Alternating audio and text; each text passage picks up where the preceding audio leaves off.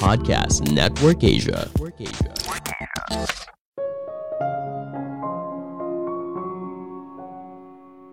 Kebahagiaan datang dan pergi. Ketika hidup sedang berjalan baik atau sedang berjalan buruk, memiliki makna menjadi pegangan dalam menjalani hidup. Halo semuanya, nama saya Michael. Selamat datang di podcast saya, Sikutu Buku. Kali ini saya akan bahas kalau hidup itu tidak hanya bahagia, tapi hidup itu harus punya makna. Ini merupakan rangkuman dari video TED Talk Emily Esfahani Smith yang berjudul There's More to Life Than Being Happy dan diolah dari berbagai sumber. Dari kecil kita mungkin diajarkan untuk mengejar kebahagiaan. Harus jadi orang yang sukses, punya rumah yang bagus, pekerjaan yang baik, dan punya pasangan yang cocok. Anehnya, hidup mengejar kebahagiaan justru membuat hidup kita tidak bahagia. Hingga suatu hari kita mungkin bertanya, hidup gini aja nih.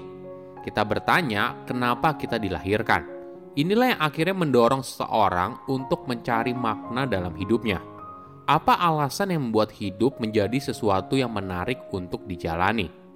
Sebelum kita mulai, buat kalian yang mau support podcast ini agar terus berkarya, caranya gampang banget. Kalian cukup klik follow. Dukungan kalian membantu banget supaya kita bisa rutin posting dan bersama-sama belajar di podcast ini.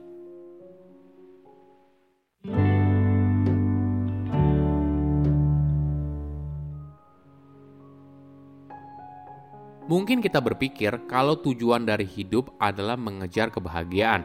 Untuk bahagia, maka kita perlu sukses. Jadi, yang kita lakukan adalah mencari pekerjaan yang ideal, pasangan terbaik, tempat tinggal yang bagus, dan sebagainya. Walaupun sudah memiliki semua itu, mungkin saja kamu masih merasa cemas dan gamang. Jika kamu merasakan hal yang sama, jangan sedih. Hal ini juga dirasakan oleh banyak orang Menurut riset, mengejar kebahagiaan justru malah membuat hidup kita tidak bahagia. Anehnya lagi, walaupun hidup kita di era sekarang jauh lebih baik daripada era sebelumnya, tapi tingkat bunuh diri justru meningkat pesat. Mungkin ada kekosongan di dalam diri seorang. Cepat atau lambat, kita mungkin boleh bertanya, apakah hidup begini aja? Menurut riset, yang membuat seseorang putus asa bukan karena seseorang kurang bahagia, tapi kurang memiliki makna. Banyak psikolog mengartikan kebahagiaan sebagai sebuah keadaan yang nyaman dan santai, merasakan senang pada momen ini. Makna memiliki arti yang lebih dalam. Makna berasal dari rasa memiliki, melayani seseorang atau sesuatu di luar diri, dan mengembangkan yang terbaik dari diri sendiri. Budaya kita terobsesi pada kebahagiaan, tapi mencari makna jauh lebih memuaskan. Riset membuktikan orang yang punya makna dalam hidupnya lebih gigih, bekerja lebih baik, dan bahkan memiliki usia lebih panjang. Jadi, bagaimana caranya agar kita bisa menjalani hidup dengan lebih bermakna? Emily menghabiskan lima tahun untuk mewawancarai ratusan orang dan membaca ratusan halaman dalam topik psikologi, neuroscience, dan filosofi. Dari situ dia menyimpulkan ada empat pilar untuk menciptakan sebuah hidup yang bermakna – Pilar pertama, rasa memiliki. Perasaan ini berasal dari sebuah hubungan di mana kamu dihargai seperti dirimu apa adanya, dan kamu juga menghargai orang lain apa adanya. Namun, ada saatnya kita tidak sengaja melukai perasaan orang lain. Misalnya, kamu sedang berjalan dan melewati orang yang kamu kenal, tapi kamu tidak sapa, padahal mereka menyapa kamu duluan. Atau kamu sedang mengecek handphone ketika berbicara dengan orang lain Perilaku ini sengaja maupun tidak disengaja telah melukai perasaan orang lain. Semua hal tersebut membuat mereka merasa tidak dihargai.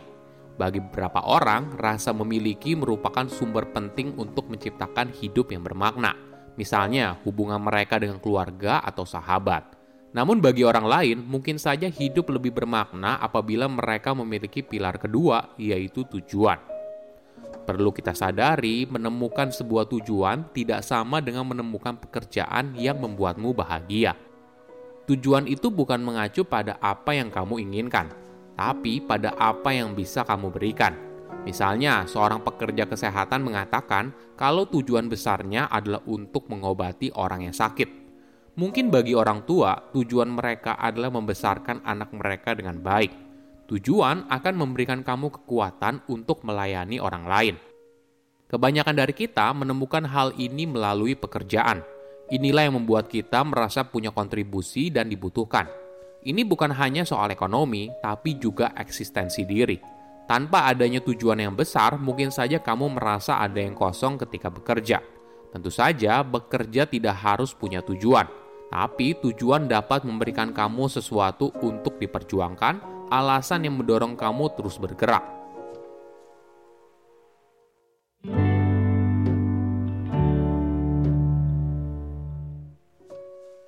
Pilar ketiga, mencapai sebuah keadaan di luar dari dirimu. Momen ini terjadi saat kita terhubung oleh sesuatu yang lebih besar dari diri kita. Bagi beberapa orang, mungkin mereka merasakan momen ini saat melihat sebuah karya seni.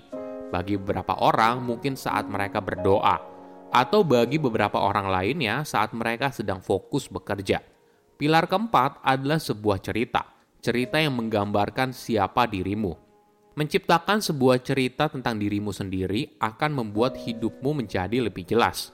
Cerita ini akan membantu kamu memahami bagaimana kamu bisa menjadi pribadi seperti sekarang. Tapi hal ini tidak selalu kita sadari. Kita lupa kalau kita adalah penulis dari cerita kita sendiri dan kita bisa mengubah bagaimana cerita ini dibuat. Ada sebuah kisah menarik dari seorang pria bernama Emeka yang mengalami lumpuh saat bermain sepak bola. Setelah peristiwa tersebut, Emeka berkata kepada dirinya sendiri kalau hidupnya sangat baik ketika masih jadi pemain sepak bola, tapi tidak sekarang. Banyak orang juga melakukan hal yang sama.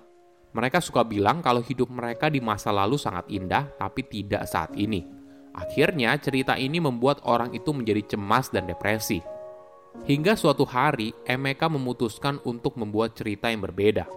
Cerita barunya seperti ini Sebelum kecelakaan, hidupnya tidak memiliki makna. Emeka merupakan pria yang egois dan hanya berpesta terus-menerus. Tapi kecelakaan ini membuat dirinya sadar kalau dia bisa menjadi pria yang lebih baik.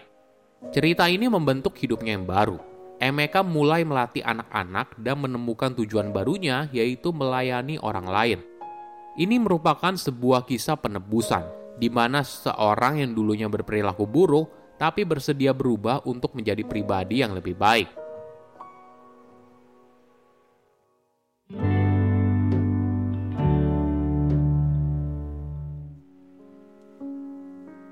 Oke, apa kesimpulannya? Pertama, hidup tidak hanya untuk bahagia. Menurut riset, mengejar kebahagiaan justru malah membuat hidup kita tidak bahagia. Anehnya lagi, walaupun hidup kita di era sekarang jauh lebih baik daripada era sebelumnya, tapi tingkat bunuh diri justru meningkat pesat. Mungkin ada kekosongan di dalam diri seseorang. Cepat atau lambat, kita mungkin mulai bertanya, apakah hidup begini aja? Kedua, hidup penuh makna. Makna berasal dari rasa memiliki, melayani seorang atau sesuatu di luar diri, dan mengembangkan yang terbaik dari diri sendiri. Budaya kita terobsesi pada kebahagiaan, tapi mencari makna jauh lebih memuaskan. Riset membuktikan orang yang punya makna dalam hidupnya lebih gigih, bekerja lebih baik, dan bahkan memiliki usia lebih panjang. Ketiga, menciptakan cerita kita sendiri. Cerita akan membantu kamu memahami bagaimana kamu bisa menjadi pribadi seperti sekarang. Tapi hal ini tidak selalu kita sadari. Kita lupa kalau kita adalah penulis dari cerita kita sendiri dan kita bisa mengubah bagaimana cerita ini dibuat. Saya undur diri, jangan lupa follow podcast Sikutu Buku. Bye-bye.